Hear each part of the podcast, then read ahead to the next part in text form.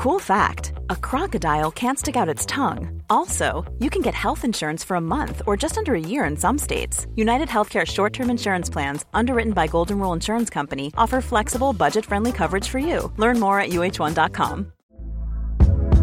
Hey there, it's Michelle Norris. I'm host of a podcast called Your Mama's Kitchen. When I travel, I'm usually looking for a way to find a taste of home when I'm not at home. And one of the things I love to do when I am at home is entertain. And Airbnb allows me to do that. When I was in California recently, I rented a house that had a great kitchen. And when we were sitting around the table, we we're all thinking, we're in someone else's house. Someone could be in all of our homes as well.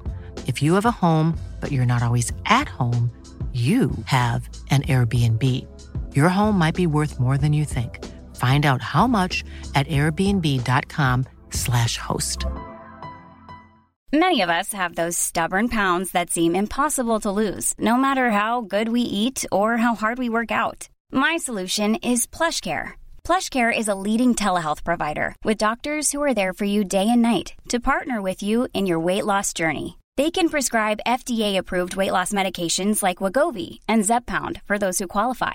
Plus, they accept most insurance plans. To get started, visit plushcare.com slash weight loss. That's plushcare.com slash weight loss. Ja, Øystein, er du klar for pod? Jeg er klar for pod, og nå har vi rigga oss til i studio her, og det er tid for gjestepod. Ja, endelig tilbake på stabburet. Ja, det er alltid litt stas uh, å få besøk i Skurspodden. Ja. Det syns jeg, og i dag har vi en veldig spennende gjest som uh, vi har prøvd å få tak i i lang tid. Men han er en travel mann. Travel mann. Men nå i stad hørte vi det buldra utafor her. Ja, vi gjorde det. Det her blir bra. Det blir bra. Bare kjør i gang, det. Nå kjører vi pod.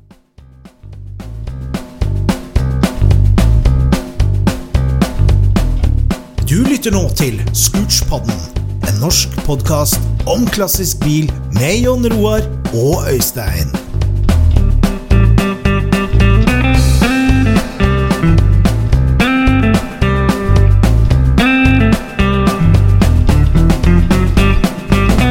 Yes, ruller på, og i eh, dag har vi fått tak i en gjest som er vanskelig å få til å sitte i ro. Han er en travel mann som ofte kjører fort. Eh, og derfor er det ekstra hyggelig å ta imot eh, Mr. Buldre himself, Mr. Gatebil, mannen med den blå BMW-en, Vidar Jødal. Velkommen hit. Takk skal du ha. Herlig, det var ikke så lang tur for deg opp hit i dag. Nei da, det er ikke så langt unna jeg bor, så det gikk fint. Født og oppvokst på Sørumsand. Født og oppvokst på Sørumsand, eh, eller egentlig Sørum, men så flytta jeg over til Sørumsand, det er bare en kilometer unna. Så, Du er jo en mang, mann med, med liksom mange hatter. altså Hvis du søker Vidar Jødal på YouTube, så er det jo ikke måte på hvor mange motorsporter du dukker opp i, i, i den blå, blå lynet ditt. Og det er jo helt utrolig mange jern du har i ilden. Eh, og det er litt, nesten litt vanskelig å vite hvor, hvordan skal vi introdusere deg. Er det gatebil, eller hvor er du hen? Du, du håndterer mange, mange baller i lufta. Ja, det er vel eh, den generelle interessen for bil og motor som eh, ja, har vært der helt fra da søren, ja. Ja. Fire-fem år. ja, hvor kom det fra? Var det Nei, du, det veit jeg ikke. Eh, Faren min har egentlig aldri vært noe sånn rabagast med motorkjøretøy, men jeg har hatt et par onkler som har vært litt drag i. Ja. Så det er nok antagelig derfra det kommer. Ja. Ja hvor starta den, da? Liksom, var det en blodtrimma moped, eller? Eh, nei, altså det starta sånn at eh, mutter'n og fatter'n var jo livredd for alt som dura og gikk. Så mm, jeg lånte jo noen mopeder, da. Og kjørte med uten at de visste noe om det. Eh, og så var vi hos noen kompiser og kjørte litt moped, og så kjørte vi traktor, og ja, vi drev og ragga rundt med traktor vi når vi var 13-14 år. Eh, ikke bare traktor, vi kjørte med bil òg. Ja. På jordene rundt Sørumsand, eller? Altså, nå er dette forelda, men Ja. eh, jeg kjørte mye bil da jeg var 14 år, på veien. Ja. Mye. Hvem syns bil var det da? Nei, da var det noen folk jeg kjente som trengte sjåfør, og Så hadde de bare en 14-åring å spørre. ja da. Altså, jeg husker det var vel i ja, det var 1986, tror jeg det var. Da, da kjørte jeg Toyota MR2, da var den helt ny. Og den gjorde over 200 km på E6-en, den. Da var jeg vel 14-15 år. Nei. Så tenkte jeg vi skulle på en gammel bulka boble på jordebil, men det var en ny MR2 på Ja, ja. Altså, jeg kjørte mye bil. Jeg kjørte fryktelig mye bil. Jeg, jeg kjøpte første bilen min da jeg var 17 år, vel. Ja. Fikk lov av moderen og faderen å kjøpe den bilen med mot at den skulle stå helt rolig til um, jeg var 18, da. Ja. Det var utrolig mye som røyk på den bilen mens den sto rolig. Ja. For de var jo på campingvogna hver helg, og da når jeg hadde den freskeste bilen i bygda, så ville jo alle kappkjøre. Og jeg var jo ikke sone be. Nei, nei. Hva slags bil var det? Du, det var en 78-modell Ford Capri 3 liter S, Oi, ja, akkurat. som jeg trimma litt sjøl, og det var litt drag i den altså den gangen. Ja. ja. da de andre hadde Opel Ascona og Manta, så blei det litt lat i forhold. Liksom. Ja.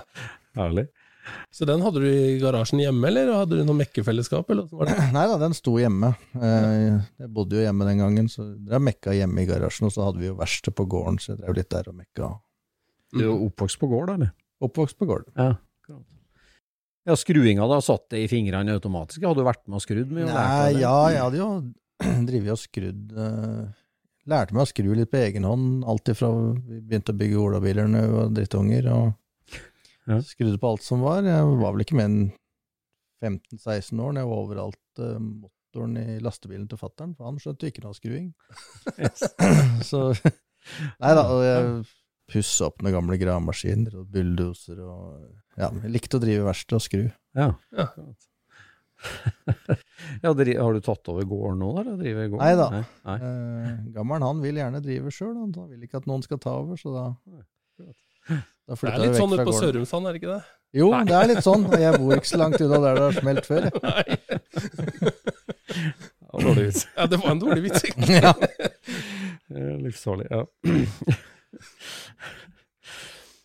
Akkurat så da med Caprien, da, så var du ute og gjorde gatene utrygge og ja, det var jo så moro å kjøre og børne og spole og herje.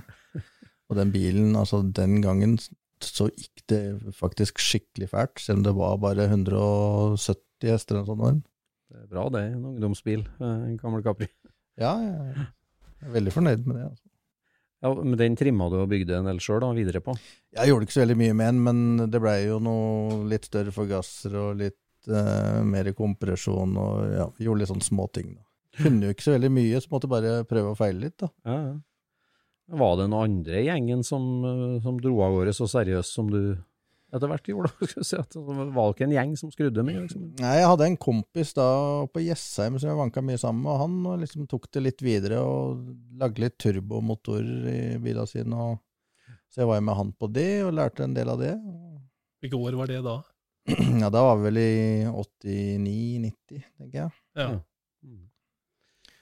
Mm. For jeg ser på, så Når du ser på videoene dine og sånt som ligger ute nå, du er jo åpenbart en veldig dyktig sjåfør. og så Kjente du tidlig at det var kjøring som var greia, eller var det mekkinga, eller var det Altså, det er klart at når du begynner å sladde med bil når du er 12-13 år, så lærer jo du på sikt. ja, Og det var jo mye.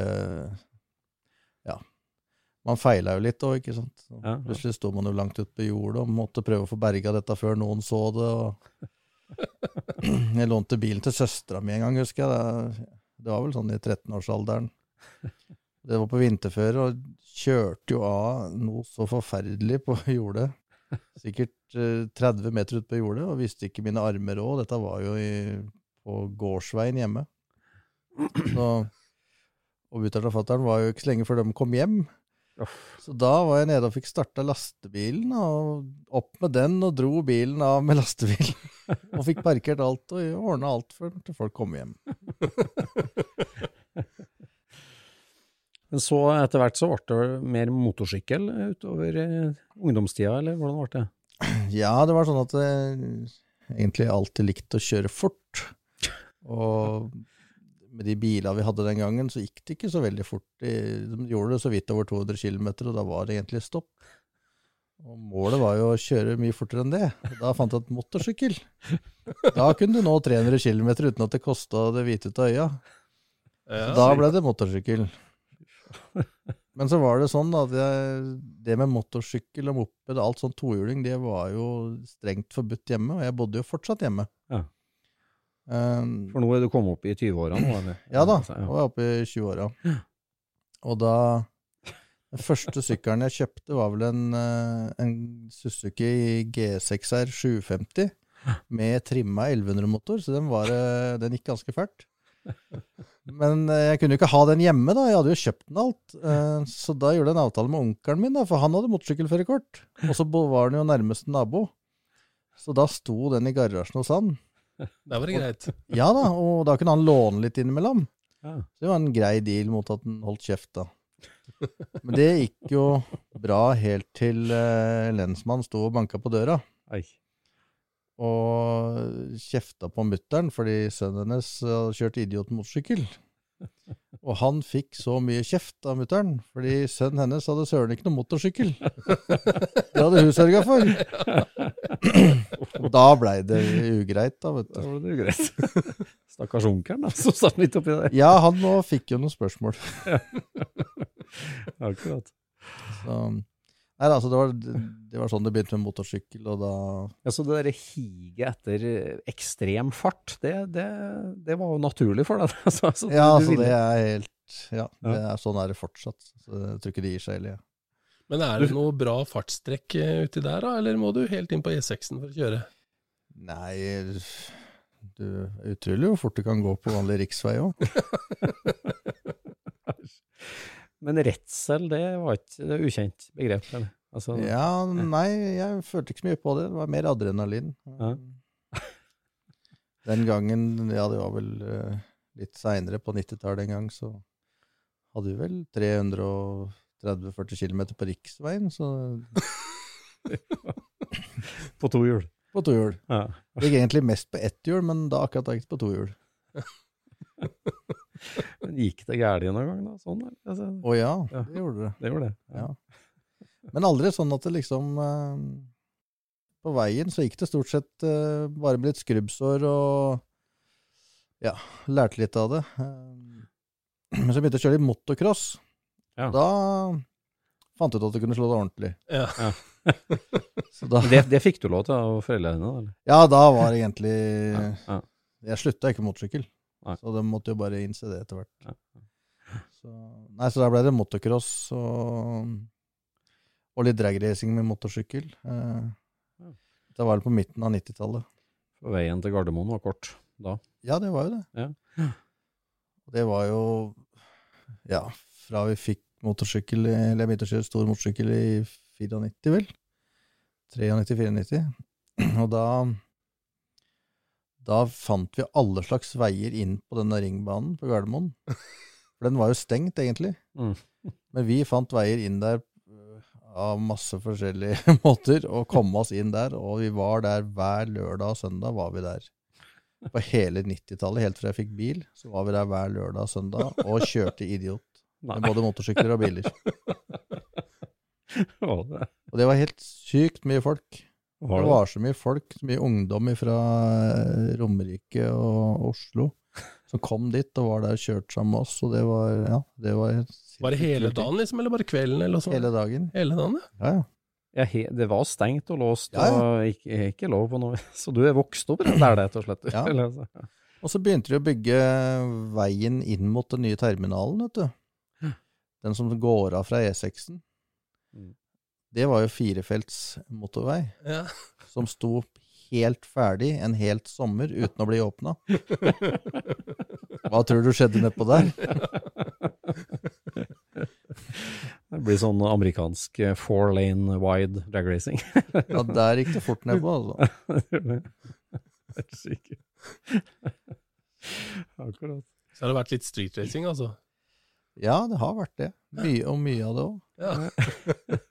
Men eh, stort sett motorsykkel på da, eller når er du fase over på bil igjen for alvor da? Nei, det var um, etter en tur i rullestol. Oi. I 2001 var vel det. Da ble jeg sittende i rullestol en god stund, etter en sånn liten motorsykkelstunt. Og da hadde jeg jo allerede vært på gatebil jeg var vel første gang på gatebil i 1998, tror jeg. Ja. Da var jeg der nede for å Nei, i 96, med bil, faktisk. Også i 98 med motorsykkel, og da var det jo, hadde vi jo leid inn en fyr som skulle kjøre oppvisning der, da, i sånn pauseunderholdning med motorsykkel. Ja. Så jeg og en kompis vi sto, var der bare sto og så på, men så syntes vi at han var liksom ikke noe drag i, han der som kjørte. så vi gikk og spurte arrangøren om vi fikk lov til å komme ut på banen. Ja. Du hadde med sykkel, da? Ja da. Ja, ja. Og da, etter det, så kjørte jeg oppvisning på gatebil i to-tre år, vel. Mot betaling. Fikk betalt for villmannskjøringa. Ja da. Ja, klart. Så, men så ja, hadde jeg noen kompiser som kjørte på gatebil, da, med bil. Så um, fikk jeg låne Jeg husker jeg var en Opel Kadett med Cosworth-motor. Gammel sånn kuppe-kadett. Så fikk jeg låne den og kjøre med den, og da kommer disse fra gatebiler bort til meg og så sier de jøss, kan du kjøre bil òg? ja da, jeg driver med litt før. så. altså, da, da sa de at vet du hva, du, sånn som du kjører, så ønsker vi å, at du skal være med å presentere den nye racingserien vår. Og da, hvis du kjøper deg en bil, så skal vi sponse deg med alt du trenger for å få den race ready. Yes. Da kjøpte jeg BMW-en. Gjorde det? Jaha. Da kjente jeg. Gjorde det? Så sånn begynte det. Ja. Yes. Hvilken racingserie var det, da? Det er egentlig en som er fortsatt nå, eh, men den het da Gatebil Racing-serie, og så har den vel blitt omdøpt til Gatebil Ekstrem-serie Mm, nå, da. ja. Ja. Stemmer. Så det var starten på Gatebil Ekstrem-serien? som de- Det var det. Men hva var det med kjøringa di som var så annerledes enn de mange andre sine? Nei, jeg veit ikke, men eh, den gangen så var det ikke så mange som drev og sladda så fælt og liksom ja, tok i litt, da. så, så det var vel det vi fikk begynt med. Ja, for det er varemerket ditt, altså showet, og liksom å ta i litt, sånn litt ekstra. Ja, det, ja, det henger vel igjen litt fra barndommen, men det er litt sånn at det, når noen sier at det tror jeg ikke går, så tenker jeg det må jo gå, det. Ja. Det er Kanskje greit å begynne med en lånt bil òg, da? eller? Ja ja, det var ikke noe problem. Men hva- da, da var det liksom eh, skruinga, og du skrudde alt sjøl da? Og, Ja da. For, ja, og, og kjøringa, selvfølgelig, alt sammen. Mm. Det, og da kjørte jeg en sesong med den eh, BMW M3-en som jeg kjøpte da i Den kjøpte jeg da vinteren 2003, og første sesongen var vel eh, 04. Og, det, og da var den blå? Som en, som Nei, da var den sølvgrå. da var den sølvgrå. ja. Helt original, eller hva, hva var den da? Helt original. Ja. Eh, jeg var og Nei, vent. Vi henta den eh, ved nytt, eller januar 2003, og så kjørte vi 2003-sesongen.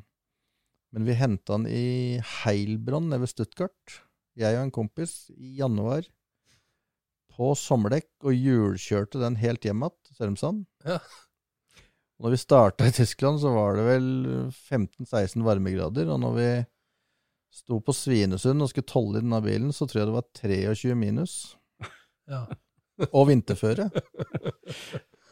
Så, men vi fikk noe hjem ved hel. eh, Og mm, så bygde jeg opp bilen da i løpet av vinteren, våren, og så kjørte jeg første sesongen som de hadde den racingserien. Eh, Da var det delt opp i to klasser. eh, Og jeg kjørte ikke den verste klassen, den, jeg kjørte den minste. Eh, Så jeg vant alle løpa jeg kjørte, men jeg ønska litt mer effekt. ja hva var det? det var en original M3 når du kjørte på banen da? Ja, Altså? helt Ja. original M3 med Ja. 195 hester. Ja. Um, Men måtte du til Stuttgart og kjøpe den, eller var det ikke mulig i Norge? Eller? Nei. nei, den gangen så var det bra utvalg i sånne biler i Stuttgart, og det kosta en brøkdel av hva det gjør i dag. Ja. Mm. Um, Men du tolla den inn som for å ha skilt, du, liksom? Eller? jeg tolla den egentlig inn for å sette skiltet på den, men det blei aldri skiltet på den. Nei. Så papiret og tollkortet har jeg fortsatt. Ja. Men så, ja, nei, så syns vi at den gikk litt dårlig, og skulle bare trimme den lite grann, da, så heng, hang med i den store klassen. Mm. Og da måtte du ha hvor mye hester? Nei, det, altså det det begynte med, var at vi hadde tenkt å sette på en liten turbo, og så hadde vi et håp om å få 300 hester, og så hadde vi tenkt å koste på den en 20 000-30 000 kroner. Ja. Men da med altfor mye dårlige kompiser, så tok jo det en helt annen retning. Så vi endte opp på 792 hester, og bilen sto ferdig i 2007. Um, 2007, ja. ja. Så det gikk noen år. Så det ble Ja. en tre-fire år bygges. Ja, det kosta mye penger å bygge bil, og måtte ta litt og litt av lønna, så da tok det Ja. lang tid. Hadde du noe annet du kjørte med i de åra. Ja da, jeg hadde noen vanlige, originale biler som brukte på gatebil. Ja. I påvente at dette skulle bli ferdig.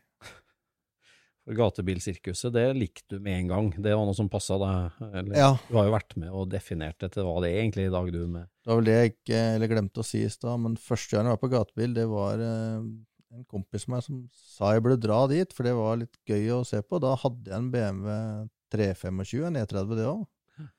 Så jeg dro ned dit på Rudskogen og kjørte på banen. Mm. Og etter det så fikk jeg jo telefonen fra gatebil om ikke jeg kunne komme tilbake året etter. Og da hadde jeg solgt bilen, så hadde jeg ikke noe bil i hele tatt. Så det var da vi kom dit motorsykkel. Da. Ja. Så, men jeg har vært på gatebil hvert eneste treff jeg har hatt siden juli 1996. Har du det? Ja. Ja, for navnet ditt. Men altså, det, hele det med altså, det å ta i litt og drift, altså breisladdinga og driftinga, sporten drifting, nå er vi litt eh, lite belest på det egentlig, men eh, hvordan utvikla det seg? Du, du var med på det, på en måte? Altså i Ja, det er litt rart, eh, men jeg har faktisk aldri kjørt et driftingløp. Jeg har aldri kjørt i en driftingkonkurranse. Men du har kjørt Breisladden, liksom? Ja da, det har jeg gjort Ja. mange ganger. Ja. Men ja, den sporten, drifting, det har liksom aldri Nei, det har jeg ikke hatt noe interesse av.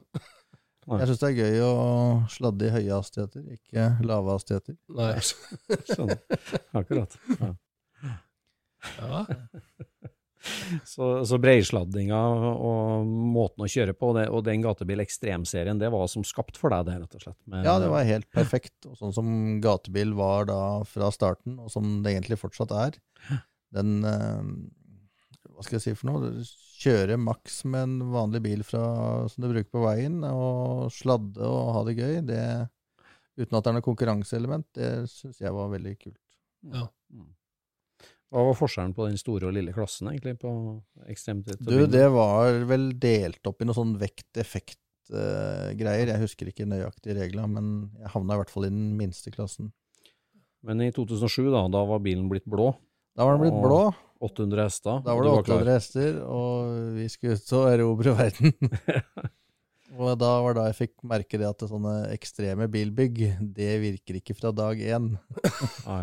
ja, for du hadde ikke starta den før i det året, kan du si? Altså, den var ikke ferdig til å starte? Nei, altså vi Dette var jo julitreffet, det store gatebiltreffet i, i 2007.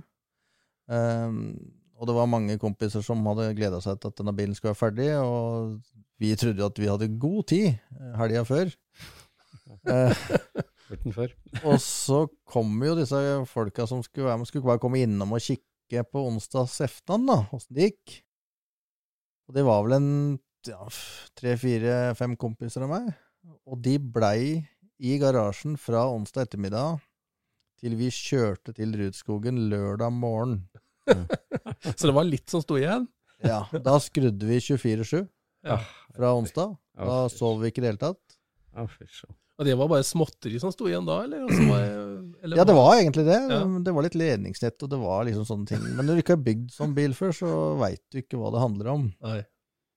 Eh, Som en kompis som har sagt, som har bygd mange biler, han sier at når du tror du er ferdig, så har du igjen ca. tre måneders jobb og 50 000 kroner. Ja. det høres litt kjent ut. Det sier- ut. Vi har snakka om det der om at de siste 10% tar 90% av tida. Ja, fader, det, det å få det til å virke ordentlig, det Men det Jeg tenker på altså Når du da drar av og du sier det er dårlige kompiser, men det å kaste seg inn i et motorbygg på 800 hester, det var jo litt overgang fra det du har drevet med før. Ja, det var det. Var det. Hvordan øh, Altså, måtte du lære deg mye, eller øh, Ja. var det bare å Jeg hadde hjelp eh, med første motoren. Hadde jeg hjelp til å bygge sammen, og mm, problemet var bare at han ville at ting skulle være helt verst. Så da måtte jeg betale. og det blei jo veldig gromt. Men da når den motoren røyk første gangen, da, så hadde ikke han tid til å hjelpe meg, og det var da tenkte jeg at eh, skal jeg drive med det her, da må jeg skru sjøl. Ja. Ellers så får jeg aldri kjørt. Nei. Så da, og da er det sånn at uh, man lærer best av sine egne feil. Ja. Det bare hender at det koster litt. ja. Ja, det er ikke billig der. Altså, parallelt med alt det her, så har du jo en yrkeskarriere, og for du, du driver, driver for deg sjøl, du, Vidar? Ja, jeg jobba med gravemaskiner og entreprenørgreier siden ja, jeg starta vel da jeg var 16 år. Ja. Da jobba jeg for faren min til eh, ja, i 2013. Da starta jeg mitt eget. Og siden har jeg drevet mitt eget, helt aleine, uten noen ansatte. Og trives veldig, veldig godt med det. Ja. Får alltid fri av sjefen hvis det er noe motorsport. ja. Jeg skjønner. Det er veldig kjekt. Så, det, så du kjører, kjører gravemaskin, da? eller? Er det- gjør jeg fortsatt. Ja. Skjønner. Gravemaskin og lastebil. Og, Ja. Tar på meg sånne entreprenøroppdrag. Akkurat. Skjønner. skjønner. Men da, da, etter fire års bygging, nylakkert bil, 800 hester, og du drar den med deg på lørdagsmorgen stup trøtt, helt gåen. Eh, hvordan går det byen? Debuten går sånn at vi hadde jo bygd om litt i bakstillinga med noen andre spindler og litt sånn, og ikke tenkt på at eh, det er noen avstander som må passe med hjullager og sånn, så at det hele hjula var helt løse, selv om de var skrudd til, ikke sant? For det Ja. var ikke noe press på lageret. Det var det det begynte med. Ja. Og da var det å komme seg av gårde, da, og få Tok jeg bare med bilen hjem igjen, for det var fortsatt lørdag. Så tok jeg med bilen hjem, og tok med en av mekanikerne mine, og vi mm, fikk lånt en dreiebenk eh, oppe på Jessheim. Dro dit, da begynte det å bli kvelden, eller natta egentlig, og fikk dreid noen avstandshylser. Og tilbake igjen. Eh, han også var den som hadde vært med helt fra onsdagen, da. Så vi hadde fortsatt ikke sovet noe. Nei. Og så ligger jeg under bilen og skrur, og skal få på plass dette her da på natta. Og så ber jeg han hente noe verktøy. Og mens jeg ligger der under bilen, så sovner jeg. Når jeg våkner igjen, så ligger han og sover ved siden av meg. Koselig, da, under bilen. Og da blei vi enige om det at nå er det bra. Nå tenker jeg at vi prøver igjen neste gang det er gatebil. Akkurat. Så du fikk ikke fyra den engang, da, egentlig, på den? Jo da, vi, vi kjørte. Vi kjørte på banen. Ja, Ja, du gjorde det, ja. Akkurat. Ja. Men det, det funka jo ikke i det hele tatt. Akkurat. Det var mye innkjøringsproblemer med den bilen, så neste gang vi var på gatebil, da var det girkasser. Det gikk så girkassene spruta. Og ja, nei. Hva slags girkasse var det da?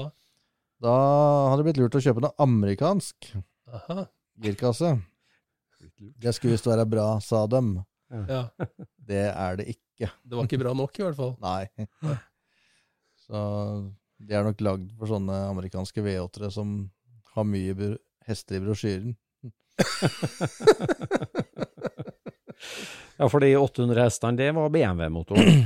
Ja. Si, si litt om den motoren, den første generasjonsmotoren der.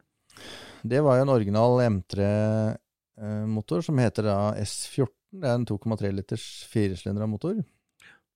Og det var vel ikke så mange som hadde turbomata de motorene der. De jo en, det var en lignende motor de brukte i Formel 1 på 80-tallet, men ikke samme motor. Så, men det var Ja. Det begynte jo med mm, toppakning som røyk. Eh, der trodde vi at liksom hadde brukt noe bra greier fra starten, men det viste seg ikke å holde. Så den røyk vel et par ganger. Og så eh, lagde vi en løsning med noe med noen sånne knivforma ringer som vi la rundt hver sylinder for at det skulle holde tett. Og da holdt det tett, men da uh, skøyt den ut veiva i bånn. Mm. Ja. Så fikk vi lagd noe ordentlig bæring og sånn i bånn der, så det skulle sitte på plass. Og da knakk veiva i to. Hvor mye ladetrykk kjørte du på der? da? På den motoren så tror jeg ikke det var sånn helt ekstremt. Det var vel en 2,3 eller 2,4 bar, tror jeg. Så, nei da, så fikk vi satt inn en ordentlig veiv, og da var det blokka som begynte å ryke. Da blei det svære høl på sidene. Og kasta ut stempler og råder ut sideveis. Virker nesten som han ikke tåler den effekten. Ja, ikke sant? Eh, altså, vi, vi ødela veldig mye motorer, og den gangen så kosta ikke de motorene noe særlig, så at vi fikk jo tak i til ganske fornuftige summer, og de røyk og de røyk og de røyk, og jeg veit ikke hvor mange motorer jeg brukte, men ti-tolv stykker, tenker jeg. Ja, nå snakker vi da i løpet av 7, 8, 9-sesongen, eller? Ja, det var vel ja, sju, åtte og ni, ja, Mm. sesongen. Da det gikk fryktelig mange motorer. Og siste, siste sesongen i 2010, da tror jeg jeg brukte tre-fire motorer før vi var midt på sommeren. Sikkert. Men var det maskinering og sånt på alle sammen hver gang, liksom? Eller? Ja, det var full runde hver gang. Det, og, men jeg hadde jeg, jeg rakk å bygge dette sammen til hver gang vi skulle kjøre. Jeg møtte alltid opp med bil som gikk. Eh, og det ble jo etter hvert vant til at det ikke gikk, da. Vi hadde én motor som faktisk varte et helt år. Jeg tror jeg var i 2009. Vi veit ikke hvorfor han varte. Den bare funka.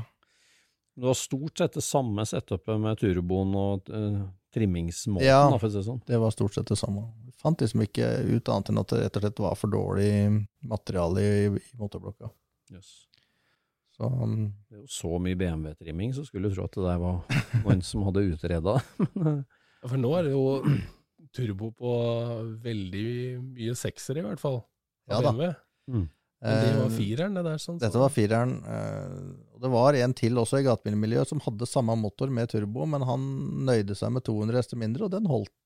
Mm. Han kjørte nok kanskje litt mer forsiktig, antageligvis. Da. Kanskje det. Så, Ja.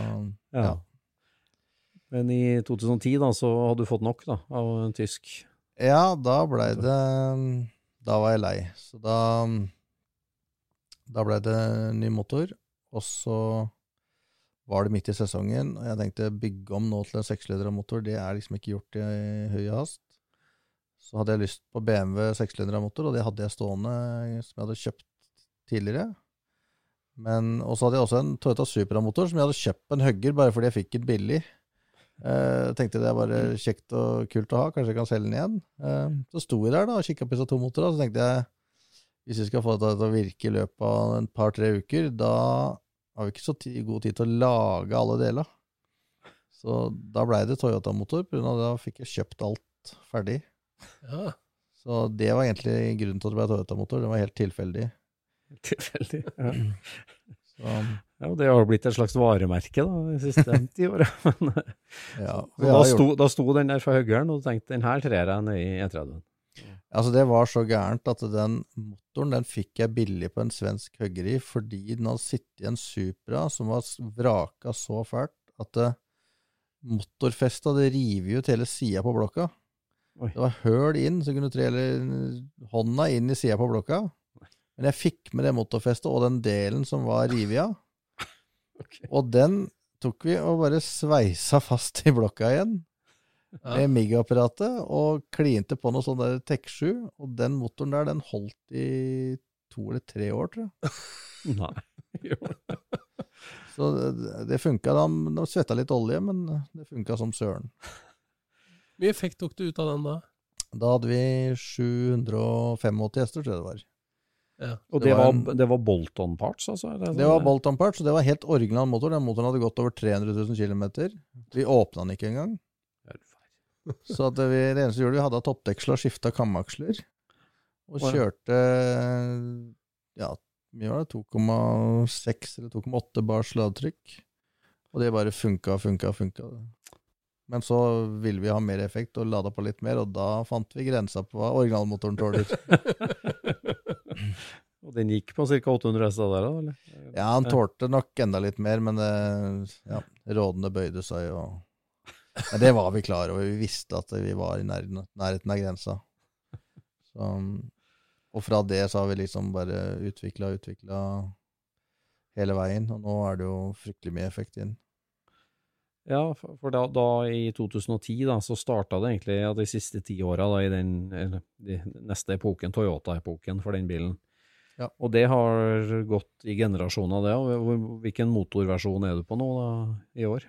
sånn? Nei, det har jeg ikke tellinga på, men jeg har drevet og prøvd og prøvd, og vi prøver å ta ut veldig mye effekt da, og se hva det tåler, og hvor det, hvor det svikter. For å liksom prøve å nærme oss eh, maks av det som går, da. Hvor mye han er original nå, da? Eh, vi bruker fortsatt original Veiv og original blokk. Gjør du det? Ja. Det og original topp, bortsett fra at vi porter den og skifter noen ventiler og sånn. Ok. Så originale Veiva har jeg beholdt hele veien, og det kommer jeg til å gjøre òg. Original overfall under og Nei, det er Nei. billett overfall. Det er billett, det. Så vi har ødelagt fryktelig mange av de motorene der på grunn av eh, ustabilt oljetrykk. Det er Ja. et problem på de motorene. og- Så det er grunnen til at vi har ødelagt mange av de motorene. og- Men nå er det tørrsumpsystem, Ja. og da Nå holder det. Nå holder det.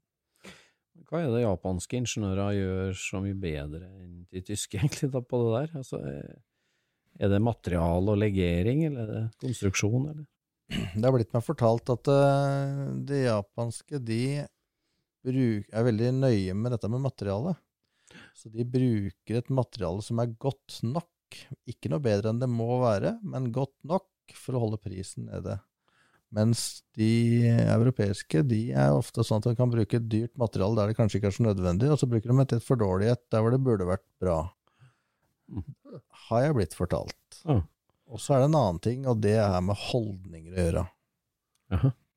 Eh, Det sies at en japansk industriarbeider, hvis han begynner å tenke på om kvelden om det var en bolt han dro til med riktig moment eller ikke, blir litt usikker, så drar han tilbake på jobben.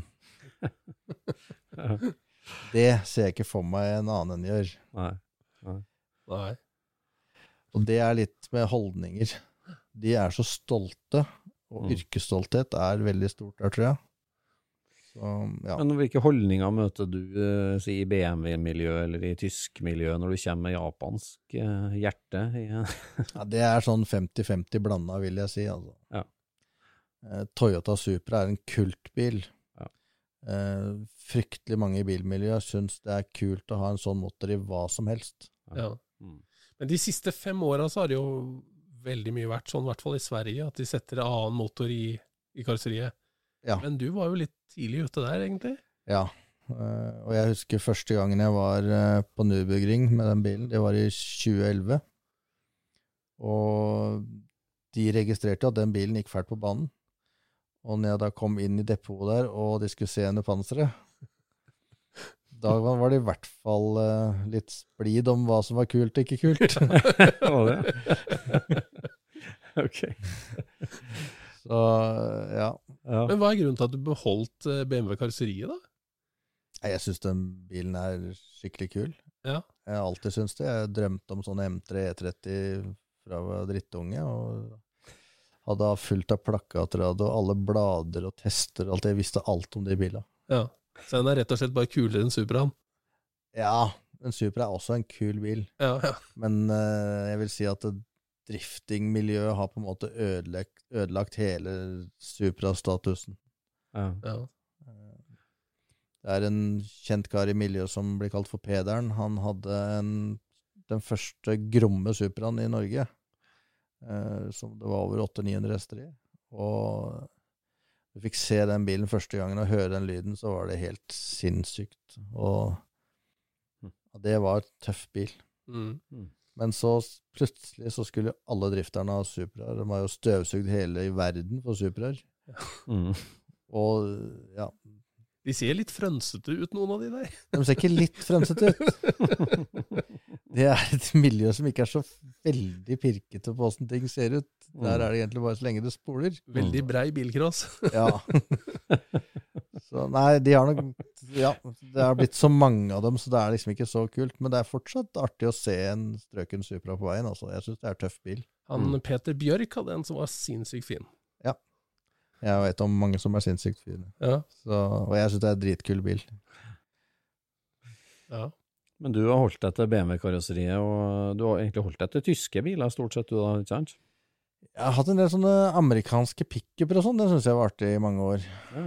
Så pickuper og sånne vaner og sånn, det er så fine som bruksbiler og arbeidsbiler. Passa med gravemaskindriften. Ja, da. Jeg har også hatt en Corvette. Jeg kjørte faktisk Breisladden på gatebil en gang i en Corvette jeg hadde. Jeg har hatt litt amerikansk òg.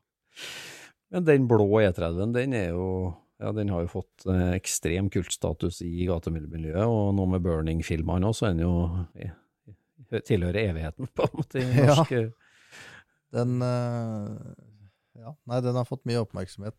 Og det er litt fordi at jeg har brukt den mye, og jeg har vært mange steder rundt i verden og kjørt med bilen nå. Ja, det syns jeg er veldig artig å se. Når jeg ser eh, innboarden fra Osnabrück, bakkeløpet, og jeg ser eh, isracet i Sverige og altså du, det er jo en det må jo være den mest anvendte og anvendelige motorsportsbilen i, i Norge, i hvert fall. Ja, kanskje altså, Europa. Det var ikke tenkt sånn egentlig i starten. Det var egentlig, bilen ble bygd for å bruke på gatebil, og kjøre litt på sladd og kjøre litt fort. Det var egentlig det som var tanken. Ja. Men så, ja, så prøver vi litt av hvert, da, og så er det gøy, og så etter hvert så blir det litt sånn at uh, det er artig å prøve alt.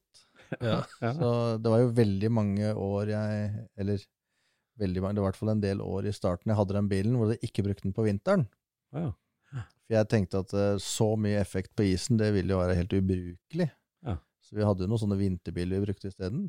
Men så Jeg Vet ikke åssen det starta. Jeg husker ikke første gang jeg brukte den på isen, men det funka jo som fjell. Det var jo så moro. Så siden så har det vært brukt hver vinter, altså. Har du det? Ja. Men gjør du mye med den da, for å bygge du? Bytter du girkasse, f.eks.? Du må jo det. nå. Nei, Eller? altså det vi gjør når vi kjører forskjellige ting med den bilen, det er egentlig å skifte hjul. eh, og heve den eller senke den litt ettersom hva vi skal bruke den til. Ja. Og så endre litt utvekslinger da, etter for hva slags bane vi skal på. Ja. ja, for du har, du har rekorden på is nå, har ikke det? Eller, altså, 340 Ja, vi, vi eh, Jeg var første gangen på Speedvik i Sverige, i, eller Speedviken heter det, i Sverige i 2015. Ja. Og hadde et mål om å kjøre 300 km på isen. Det var jeg fast bestemt på at det tror jeg går, Ja. og det skal jeg prøve. Det hadde jo du gjort på riksveien på Ja, det hadde jeg gjort mange ganger før. Men aldri på isen. Nei. Eh, og vi kommer dit, aldri vært der før, kjenner ingen. Eh, rigger opp buss og telt, og utover kvelden så kommer jo en del svensker innom, som er sånne som vi skjønner har vært der mange år. Ja. Og lurer litt på om bilen, og lurer på hvor fort vi håper vi skal kjøre. Og jeg var jo fast bestemt. Nei, jeg skal kjøre 300 km. og dem eh, alle sammen bare sa vet du, det kan du bare glemme. Det er greit at du har mye effekt og alt sånt, så, men det har da folk hatt der før. Ja. Så det er, eh, det er ingen som har eh, kjørt over 200 og, mye var det, 250 km. Uansett effekt så har de ikke kommet fortere, fordi motstand i hjula på isen og luftmotstand og sånn gjør at eh, uansett hvor mye effekt du har, så, så går det ikke an å kjøre fortere. Så, Det er veldig tungdrevent, er det ikke det, på isen? Jo, det går tungt. Så Ja. eh, de sa at du skal være fornøyd hvis du klarer 250 km. Men hva slags, hva slags biler, eh, de som har vært der i mange år, hva slags biler kommer de med? Hva, hva er det som er Alt mulig, altså. Ja. Det er alt fra gamle amerikanere til litt sånn type biler vi har, og trimma Volvoer, turbobiler, ja, alt mulig. alt mulig? Så første dagen på isen der, så Og den konkurransen er jo sånn at du har vel eh, Er det 1,5 km du kan ta fart? Og så kommer du til der den målesona begynner. Eh, og så har du 1 km som de måler hastigheten, og så måler, tar de gjennomsnittet på den kilometeren. Og jeg var litt Jeg er så skuffa, da, for jeg trodde jo på de svenskene. At eh, de visste hva de prata om. Eh, Så da satte vi jo litt ned målet litt. At jeg tenkte ja ja, da får vi være fornøyd da, hvis vi klarer 250 km. Men eh, første prøveturen ut, så hadde vi 301 inn i sona, altså, og 318 ut i andre enden. Og første da, tur. Da ble det stille i fjøset, som det heter. Men hva var det de ikke hadde skjønt da? Nei, det veit jeg ikke. Nei, jeg veit ikke. Men eh, det som er litt av greia med mye effekt og iskjøring, det er å ikke sitte og holde igjen for å finne feste. Wow. Det er egentlig bare å holde bånn gass og legge på så høye gir som mulig, og jo mer bilen spinner, jo mer akselererer det. Det er helt merkelig, men det er fysikk. Det er sånn, sånn gammeldags dragracing, hvor du skulle spinne fra start til mål. Ja, Eh, Jeg har en svoger som eh, er litt over middels smart, og han sa det når vi var der. Bare få på så høye gir som mulig og få mest mulig hjulspinn, så vil det som kast, vi kaster bakover av snø og is, det vil skyve bilen framover sånn. Ja. Og det har han rett i. Yes. Ja, for det reagerte jeg faktisk på. Jeg satt og så den filmen her en dag, og når, du drar, når han sier liksom 'klar, ferdig, gå', så du bånder på du som et rallycross-start, liksom. Yes. Og Det er lurt, det som altså. funker. Er det det? Så, nei, altså, da blei det plutselig veldig stille i fjøset på svenskene der, altså. og så endte det jo med Vi fikk kjørt vel én gang til, og da raste motoren. Ja. Og så har vi vært der hvert år, eh, 2016, 17 og 18, med motorras og problemer, ikke fått satt Ja, vi har ikke vært over 300 etter det. Ja vel, så Supra-motoren holdt på sommeren på asfalten, men rasa borti der? eller? Ja, gjorde det. Det er full belastning, den kilometerne, og Ja, vi satt og kikka litt på inboard-kamera, og det er klart at fra vi legger inn tredje gir, så har vi tre bars ladetrykk i 46 sekunder. ja. Konstant. Og det er ganske lenge. ja. Ganske lenge. Så, men i 2019, da endelig satt det. Da fikk vi det til å virke. Eh, Og vi har jo, i mellomtida så har vi trimma en del, så vi hadde en del mer effekt også når vi var der i 2019. Og da var eh, rekorden før den dagen, så var rekorden på 325 km. Um, og så hadde Nokian, de som driver med piggdekk, de hadde satt en rekord i Guinness i Finland og kjørt 335. Ja. Så det var den gjeldende rekorden i verdensrekorden for å kjøre bil på is. Ja. Og rekorden på Speedweeken var 325. Uh, og jeg var selvfølgelig først ut, ivrig som søren. da. Første bil ut på isen om morgenen. 3.38. Og så hadde vi noen vi kjente fra, fra Østfold, som var der med en ganske hardt trimma Audi. Ja, han kjenner vi jo. Ja. Yes. Han uh, kjørte Nå husker jeg ikke hva jeg kjørte ved 338,2, tror jeg.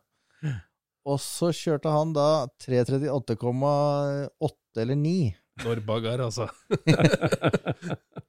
Og da blei det jo sånn at uh, vi må kjøre mer.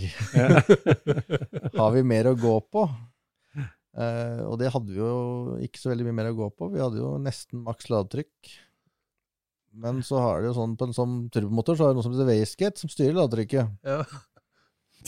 Så sa jeg til disse som var med meg, og sa jeg til vi har jo ingenting å tape. Det er jo bare å gå all in. Så jeg bare stengte hele wastegaten, ja, så den var ikke i drift. Nei. Og da klarte vi 341. Og da satte vi rekorden. Den står fortsatt. Gjorde det. Hvor mye trøkk hadde du i motoren da? da? Det veit jeg? Jeg vet ikke. Herre. Det lada bra. Det var bra klem inn da. Altså. Men det holdt, altså? Det holdt. Men, men eh, ligger du da Har du pedalen i bånn? Dønn i bånn. Det bør du ikke lure på, eller? Nei. Det går så fort det går. og så sitter du og prøver å balansere bakhjula bak, liksom? da? Eller? Ja, altså, det går jo ikke rett fram. Nei. Bilen vil jo alle veier, men Men spinner du da i den kilometeren? spinner hele veien. Spinner hele veien. Ja. Gjør du det? Så den ligger jo ute på YouTube, den filmen. Da hadde jeg GPS på dashbordet så, mot uh, kamera, så det er vel 346 eller 347 vi har i maks hastighet. Ja.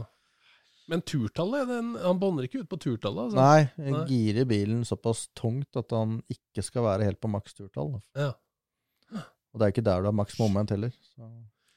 Men uh, girkasse som du kjører med nå, det var jo tydeligvis ikke noe amerikansk, regner jeg med? Det er svensk. Det er uh, Sellorm Tuning. Ja. Eh, Jeg satt i sånn girkasse i 2009, og det sitter der fortsatt, og jeg skal ikke ha noe annet. Nei. Det er ingenting annet som tåler de kreftene der. Men hva er det Selholm har laga den for? Den er jo lagd for uh, racingbruk generelt, rally. Ja. Og når jeg var hos dem første gangen og kjøpte første girkassa, så sa de jo det at den her tåler Hvor mye det de sa? 1200 newton eller noe sånt. Og så sa jeg ok, ja, jeg har litt over 1300. ja, da, Da finner vi ut om han tåler det, sa han. Så nå er det blitt sånn at jeg som er eh, limiten på hva de tåler. Og, og de tåler i hvert fall 1700 newton. Har du 1700 nå? Ja, nå har vi det. Ja, hva, har- hvor mye hester har du nå? Du, når vi bremsa nå sist, så bremsa vi 1541 hester. Mener du? På 3,7 bar ladetrykk. Og bakhjulstrekk. Og bakhjulstrekk. Helt vilt, altså. Men nå kjører vi med så stor turbo at den blir bare brukt til sånne hastighetsforsøk eller dragrace. Den er helt ubrukelig til noe annet. Ja, Så du bytter på det, ja? Ja, jeg Ja, kjører med tre forskjellige, tre Ja. forskjellige turboer. Ja. Så den minste den gir eh, rett over 1000 hester, og så er en som gir eh, 1300, og så er en som gir 1500. Så du kjører bakkeløp da i Tyskland, da kjører du den lille? Eller? Nei, jeg kjører den mellomste faktisk, men ja. jeg kommer nok til å prøve å kjøre den minste. Ja. Jeg tror det vil gå fortere. Ja. Men alt handler ikke om å kjøre fortest, det handler om å vinne publikum. òg. Ja. Hva, hva syns du altså, ja, På isen da, hjulspinn i 341 km i timen, er du ikke redd da, eller? Altså, Er det ikke skummelt? Altså For å si Når du er på Speedweeken, så må jeg bare si at når det står i opplininga der før start, da kjenner jeg det banker ordentlig. Ja, det? Da kjenner jeg at jeg er skikkelig nervøs og tenker på hva skal skje. Altså Det har skjedd så mye på den banen med meg og bilen, og vi har ja, vi røyk, en mellomaksjel, har du ikke? Jo, vi tok mellomaksjeren i 200 og, mye 296 km eller noe sånt. Ja, Og den kom opp i bilen? Det gjorde den. Ah. Eh, Men det går så fort at du merker ingenting. Men det var et smell så forferdelig, og jeg var helt sikker på at det var girkassen som røyk, egentlig. Ja. Fordi girspaken ble plutselig helt rar. Men det er ikke så rart, for girkassehuset var jo tvers av. Såpass, ja. Så um, når det der skjedde, så røyk um, Clutchhuset var tvers av. Og inngående aksel på girkassa var tvers av. Uh, drivaksjeren på ene sida den ble slått av sideveis, så den medbringeren i diffen den var tvers av. Diffen var ødelagt. Eh, og motoren var totalras. ja. Og det skjedde Så i da 300 km Så da alt motor og drivverk gikk i løpet av ett sekund. Så nei, altså, jeg er alltid litt Ja, det var bare nervøs smell? Bilen hoppa ikke, Ja, eller nei, det var et kjempesmell, egentlig. Og han svogeren min som har sittet på hver gang vi har kjørt på Speedweeken, han satt på da også, men han har ikke sittet på etterpå. Nei. Når vi tok ut passasjerstolen, så var det et 20 cm stort høl i gulvet under stolen. Men den har ikke vært oppe i stolen. Nei. Ah, Så, Hva slags mellomaksel var det da? Var det noe du hadde laga, eller? Var det? ja, det var en kromolli-aksel, en tretom kromoljeaksel. Ja. Så nå Så- kjører du kjører alene nå? Så etter det. Ja, nå kjører jeg aleine. Og ja, nå har det blitt noen regler at du må kjøre aleine også. Ja. Men det var ikke mellomaksjeren som var for dårlig. Det var um, Vi fant feilen. Vi fikk det på telefonen da på kvelden. Det var, jeg hadde vært og bremsa bilen hos Anders Ringstad da før vi dro dit. Og så hadde han hørt om at dette hadde skjedd. Og så hadde han vært ute i bremserommet. Og der på gulvet så lå eh, ene splinten til mellomakselkrysset. Ah.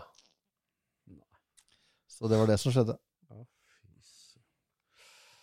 Men når det først slipper ut crushen på isen der, og du har begynt å gi gass, da er alt det nervøse borte. Da er det ett mål, og det er å holde gassen i bånn til du ser de siste målflagga, og sitter og nesten ikke tør å se framover og venter vente på smellet. Ja. Hver gang jeg kjører der, så sitter jeg bare og venter på at det skal smelle. Gjør det? Men det er verdt det. Ja, det er verdt det. Eh, Den eh, repa vi hadde i 2019, den første, da blåste panser av i ja, litt over 200, tror jeg. 280 km eller noe sånt. Og det blåste av og knuste frontruta. Eh, Men han knuste frontruta på passasjersida, og tenkte jeg det var flaks. At det ikke var der jeg satt og så. Men når panseret ble borte, så ble det så mye vind gjennom eh, oljetanken som satt foran i motorrommet. Som dro olje opp av tanken og rett på frontruta. Så da måtte jeg jo løsne litt på selene, da, bøye meg over og se på andre sida likevel. Jeg slapp ikke gassen. Var- Du gjorde ikke det? Nei, jeg holdt fullt. Så, ja. Altså. Men av alt det der du har prøvd da med, med Nürburgring og bakkeløpa i Tyskland, hva, hva syns du er morsomt sjøl med den gatebilen? Det som er Hva skal jeg si, ja. Det som er mest moro, er vel egentlig Nürburgring. Ja. Det er jo ikke så mye som kan måle seg med det. det Jeg Kjører hun på tid, da, eller kjører hun med stil? på tid. Ja, På tida? Ofte så innebærer det litt stil òg. Ja. Men vi prøver å kjøre så fort vi kan. Så, ja, nei, Hvor fort det- har du kjørt den, da? Du, det raskeste jeg har kjørt, var vel nå i sommer. Da kjørte vi på en sånn BTG-tid, som de setter her nede. Det er, da er ikke langsida tatt med. Nei, ikke sant? Så da kjørte vi på, Gantry. ja. Da kjørte vi på 726. er det beste jeg har klart. 726? Ja. Eh, Jeg hadde et håp om å klare 710, men ja. Det, det er mye som skal klaffe. Hvem har kjørt 710, da? Er, ingen, jeg, det er ingen som har kjørt under 8 med sånn bil, egentlig. Nei, ok. Det er bare et mål jeg har sjøl. Ja, det var et mål. Ja. Jeg har kjørt 711 tidligere med Porsche. Å ja. ja.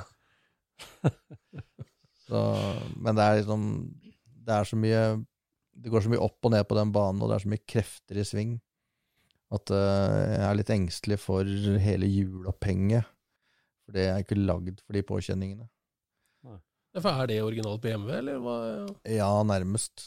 Ja. Eh, Er? Støtdemper er ordentlig gromme greier, men bærearmer og sånt er jo standard fra 80-tallet. Ja. Og det er det jeg er redd for skal knekke, da. Fordi, ja, Ja. det er, eh, det er ganske mange G ute og går på den banen der. Altså. Mm. Men du har jo burin. Ja. Har du liksom knytt det mot uh, opphenga rundt forbi, eller er det bare et sikkerhetsbur? Jeg hadde håpa du ikke skulle spørre. Ja. Det buret det ble satt inn i 2003, da vi skulle kjøre med original motor. Ja. Ja. Og det er det som sitter her fortsatt. Ja. Så det er ikke kalibrert for 1500 hest? Absolutt ikke. Så eh, ja. Jeg har faktisk eh, fått linka det litt opp i juleopphenget bak og sånn, men eh, nå i disse dager så begynner jeg å bygge en ny bil, så, Ja. som skal ta over, er planen. Ja. ja, for det må vel ta, eh, ta på litt, å altså kjøre 1500 Ja, det gjør hester ja, gjennom original BMW-plåt? Det er, eh, du ser det i karosseriet at det, det vrir seg litt, og det må sveises og ordnes med hele tida. Ja. Så det sprekker, eller? Ja. Ja. Men da setter du den til sides for det, altså, og beholder den? Den skal jeg beholde. Jeg har aldri noen planer om å selge den bilen. Eh, Så den står nok operativ hele tida. Det finnes jo noen klipp der det står til salgs på den, er det ikke? Ja. Um, det var en, en liten stund jeg hadde tenkt å selge den for å, å kanskje oppgradere til noe skikkelig grom rasebil, men uh, nei. Er ikke den bilen der deg, da? Jo, det var det jeg fant ut, og Ja. det var det alle Ja. andre sa òg. Ja. Ja, det, Men nybilen, hva, hva er det da? Du, det, er, det blir egentlig helt lik bil. Ah, Det er E30 det også, men det er ikke en original M3. Nei. Så da syns jeg det er litt lettere å kunne sette saga inn og lage en sånn jeg vil ha den. Ja. Hva er de store endringene du har lært at du trenger, da? Ja, altså det som blir de store endringene, det er to ting. og Det er å få på større hjul så du får mer grep, og så er det å få ned vekta betraktelig. Den er fryktelig tung, den bilen. Ja. Så det er eh, Og da er det mm, å begynne å bore, da, eller er det bytte ut med karbon? Eller? Det er å bytte ut eh, alt stål med kromolje og alt eh, annet stål med karbon, ja. ja. Det er Men du skal ha den til å se ut som en en Han kommer nok til å se veldig lik ut som den jeg har i dag. Ja. Det er planen. Ja. At, eh, For- Supramotor? det blir det med en gang, i hvert fall. Men uh, Supramotoren er veldig tung, så jeg driver og forsker om det finnes noe lettere. ja. Men eh, buldre, må vi snakke litt om konseptet buldre, og, og eh, for, fortelle oss hva det er for noe. Jo, det starta for en del år siden, jeg lurer på om det var i 2014 eller 2015. Um, vi var jo veldig mange som kjente hverandre, som var alltid på gatebil. Og etter hvert så sto vi jo liksom i nærheten av hverandre når vi var på gatebil. Og det å få sponsor og sånn når du driver egentlig ikke med noe sånn ja, skal jeg si, seriøs motorsport. Eh, Du har det gøy og er på gatebil og sladder litt og sånn, så er ikke det så lett. Så ble vi enige om at eh, hvis vi slår oss sammen til ett team, så står vi så mye sterkere sammen, og utgiftene går ned betraktelig. Alle trenger ikke ha med seg hver sin verktøykasse, og alle trenger ikke ha med hver sin mat. Så det var sånn det begynte. Mm. Så vi var en gjeng på en fire-fem stykker som slo oss sammen først. Og så har vi knytta oss til flere og flere etter hvert, og nå er vi 35 løpsbiler eh, og en 60-70 personer. Så, ja. Wow. Så det Men de er fra over hele Norge nå, eller åssen var det? Ja, en del ifra Innlandet, eh, ganske mange. Og Også har vi litt ifra Østfold, det heter ikke det nå lenger, men eh, det er vel Viken, det òg. Ja. Så det går ifra eh, langt ned i gamle Østfold og opp til Toten. Og vi har også noen trøndere med. Ja. Er det øh, stort sett øh, av de 35-37, så er det gatebil ekstrem? Nei, eh, vi er vel en fem-seks stykker som kjører gatebil Ekstrem. Og så er det en del som kjører eh, seriøs drifting. Ja. Og så er det en del som kjører mest for moro. Er det noen medlemskriterier der, da, eller er de må ha riktig innstilling? Nei, riktig det, det, er egentlig ikke noen spesielle kriterier, annet enn at vi føler at du er en som passer inn i et team, og du er på en måte skrudd sammen sånn at du fungerer i et team, og skjønner at da må alle med hjelpe hverandre. Eh, og så er det jo Ser vi litt åssen bil du har, og hva slags planer du har, og hva du vil med dette her, da. Mm. Du må mene det litt. Du må Har litt ambisjoner? Ja, du, det er ikke sånn at du velger bort gatebilhelga for noe annet tull. Akkurat. Da passer du ikke inn i buldret. Det er litt sånn vi har med SSC og det, vet du. Jeg buldrer ut av eh, Norges grenser, da, vet du. Altså som team, liksom. Ja, Ja. eh, vi har faktisk en del fra Sverige. Ja. Eh, Stockholmsområdet er vi fem-seks biler. Ja. Så det begynte egentlig med at han som var eh, depotsjef på Speedviken, blei vi ganske godt kjent med. Og eh, vi maste på at han måtte bli med til gatebil og se hva det var. Eh, og det gjorde han, og fikk helt dilla. Og endte med at eh, ja, han har kjøpt seg racerbil og er med å kjøre i ekstrem. og, og fått med seg masse venner også som har kule biler og er med å kjøre. Ja. Tøft. Så, ja. Sånn ble det, var det det starta. Ja, det har blitt en merkevare. Jeg tenker på, Vi hadde jo tidligere i Scootspoden her besøk av Rikard Bugge Andersen. Ja. Eh, og snakka om Lille Lillegul og alt det her. Og, og, og buldreteamet og, og bilen din er jo foreviga nå i Burning-serien, tenker Ja. jeg. Nå, nåtidens Flåklypa Grand Prix. Ja. Hvordan har det eventyret vært? Det var veldig gøy. Jeg regner med du gjør alle stunt sjøl? Ja, det gjorde jeg. Eh, nei, det var egentlig ganske gøy. Jeg har aldri vært med på å lage film før det der. Nei, nei. Eh, nei, det var Ja. Nå sitter du og husker alt det som var gøy. Uh, Ja. Når du var der, så var det veldig mye som var kjedelig også. ja. For alt som har med film å gjøre, det er jo tagning på tagning på tagning på tagning. ja. Og så er det litt sånn at når uh, Ja, vi var jo en bilgjeng. Det var en sånn gatebilgjeng som var der, egentlig, som sjåfører. Mm. Og det var jo noen spesielle ting vi gjorde som vi tenkte at dette her blir kult på film. Ja. Dette blir helt optimalt. Alle de få tinga som vi mente var helt sinnssykt bra, det er ikke med i filmen. Ok. For det gjorde, gjorde seg ikke på film? eller? Nei, jeg veit ikke. Men uh, regissører har en litt annen idé om hva som er kult å se på film, enn det vi bilfolk har, for å si det sånn. Ja. Så eh, der blir nok aldri enig. Nei. Nei.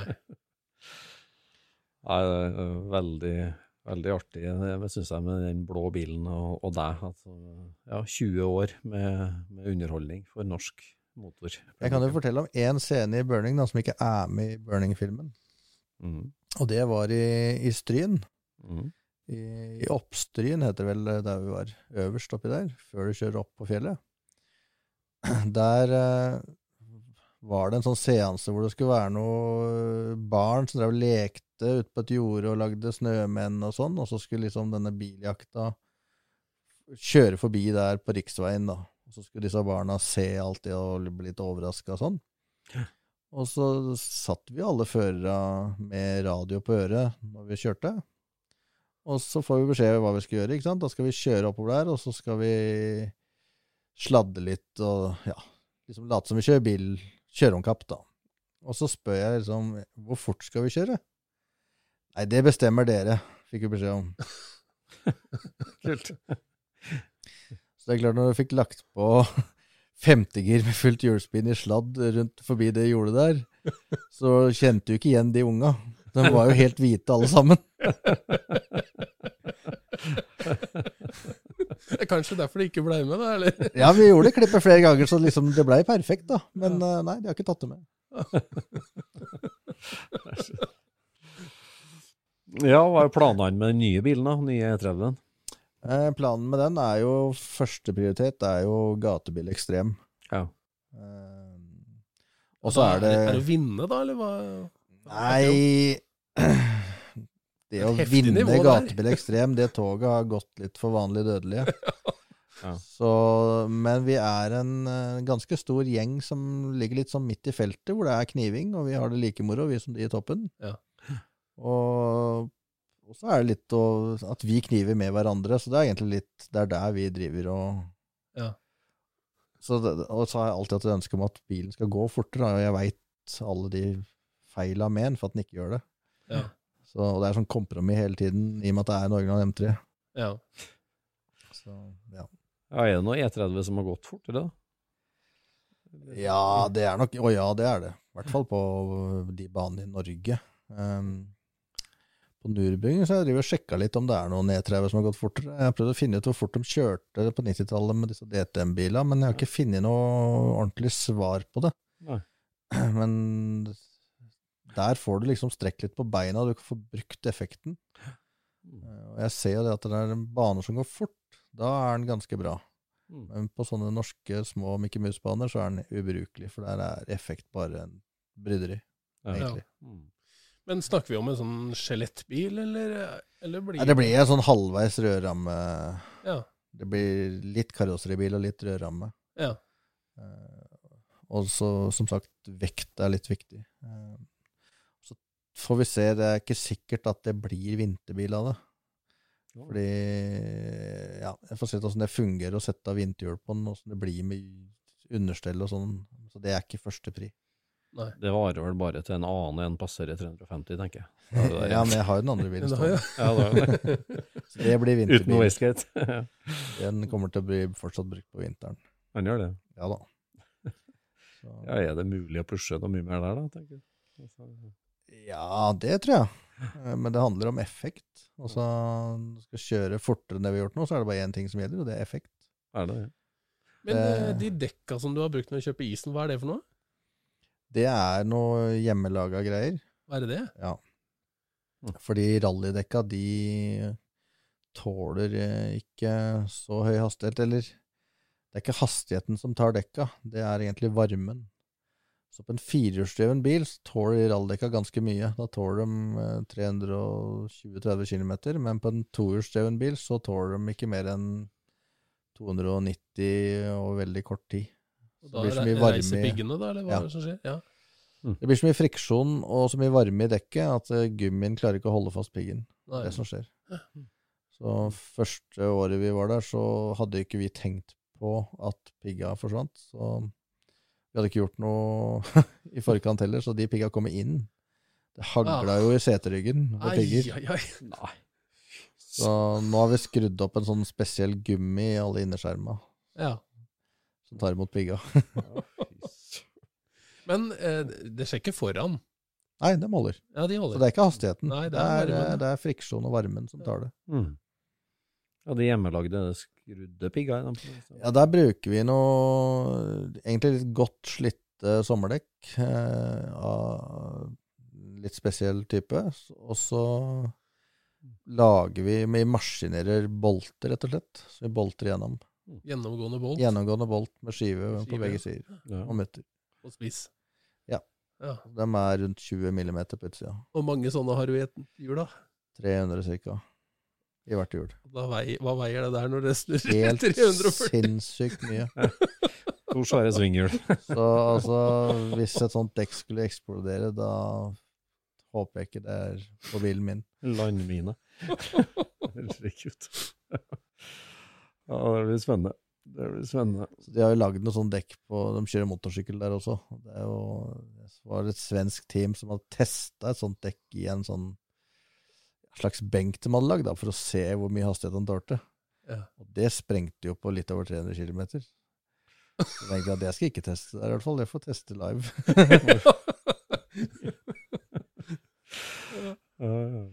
Så nei da.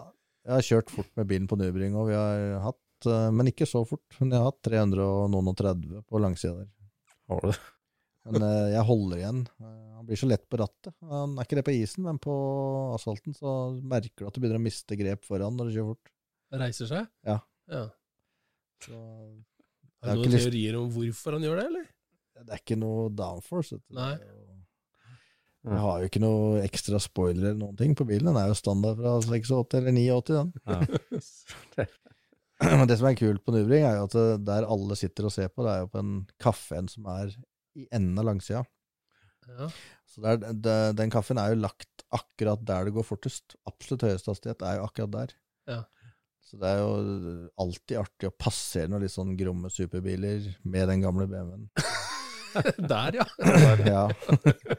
Vi var der i sommer, så passerte vi en sånn jævlig grom sånn McLaren-bil. Passerte vi akkurat der, så det så ut som han sto rolig. Det er jo litt artig. Det er ikke alle som tør å bruke redskapen som du. Eller som har redskapen. Nei, så jeg har kjørt Jeg har kjørt mye forskjellig med den bilen. Ja. Baneracing, dragracing, eh, bakkeløp, eh, iskjøring. eh, Jeg har kjørt opp slalåmbakken i Oppdal da jeg var i burning. Mm. Nå, faktisk i går, så meldte jeg meg på rallysprint på Bjerkebanen. Det er på lørdag. Gjør det? Med din blå? Ja. Skal du? Da får vi prøve det. Det, er, det blir første gangen i så fall. Du har tid til å sitte i den gravemaskinen òg, eller? Ja, jeg har egentlig ikke tid til å sitte her. Nei. Nei. Nei. Det er jo sant. Utrolig. Når debuterer du med den nye, da? Eh, Det blir forhåpentligvis en gang i neste år. Men eh, jeg har bestemt meg for at jeg får ta den tida det tar. Men du er godt i gang med bygginga? Jeg er akkurat så vidt starta. Ja. Og jeg kommer til å få litt hjelp til alt um, burbygging og ja, og finne ut hvor bakstilling og forstilling skal sitte og sånn, for det er ikke noe jeg kan så mye om. Så, og når du skal ha flinke folk, så har de som regel litt å gjøre fra før òg, så han visste ikke helt når han kunne begynne i vinter. Ja. Ja. Det blir spennende. Ja. Veldig spennende. Nei, du får, eh, får komme deg hjem og skru, som du har ikke tid til å sitte her.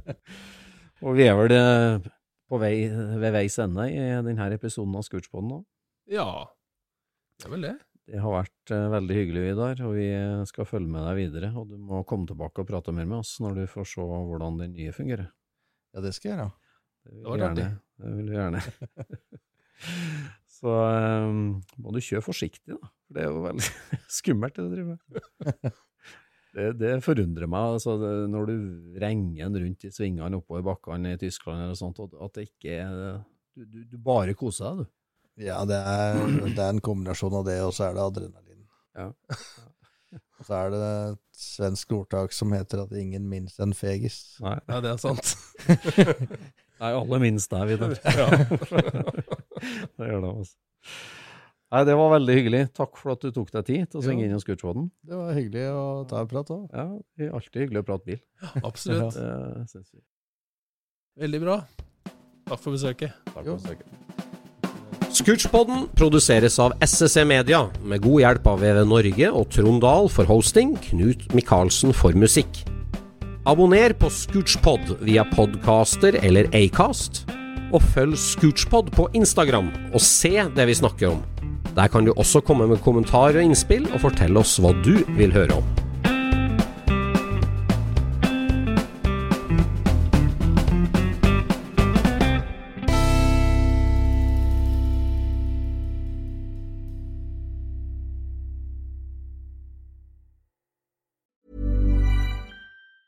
Planning for your next trip? Elevate your travel style with Quince. Quince has all the jet setting essentials you'll want for your next getaway, like European linen, premium luggage options, buttery soft Italian leather bags, and so much more. And is all priced at 50 to 80% less than similar brands. Plus, Quince only works with factories that use safe and ethical manufacturing practices. Pack your bags with high-quality essentials you'll be wearing for vacations to come with Quince. Go to quince.com slash pack for free shipping and 365-day returns. Even when we're on a budget, we still deserve nice things. Quince is a place to scoop up stunning high-end goods for 50 to 80% less than similar brands. They have buttery soft cashmere sweaters starting at $50, luxurious Italian leather bags, and so much more. Plus, Quince only works with factories that use safe, ethical, and responsible manufacturing. Get the high-end goods you'll love without the high price tag with Quince. Go to quince.com slash style for free shipping and 365-day returns. Mom deserves the best, and there's no better place to shop for Mother's Day than Whole Foods Market. They're your destination for unbeatable savings, from premium gifts to show-stopping flowers and irresistible desserts. Start by saving 33% with Prime on all body care and candles. Then get a 15-stem bunch of tulips for just $9.99 each with Prime. Round out Mom's menu with festive rosé, irresistible berry chantilly cake, and more special treats. Come celebrate Mother's Day at Whole Foods Market.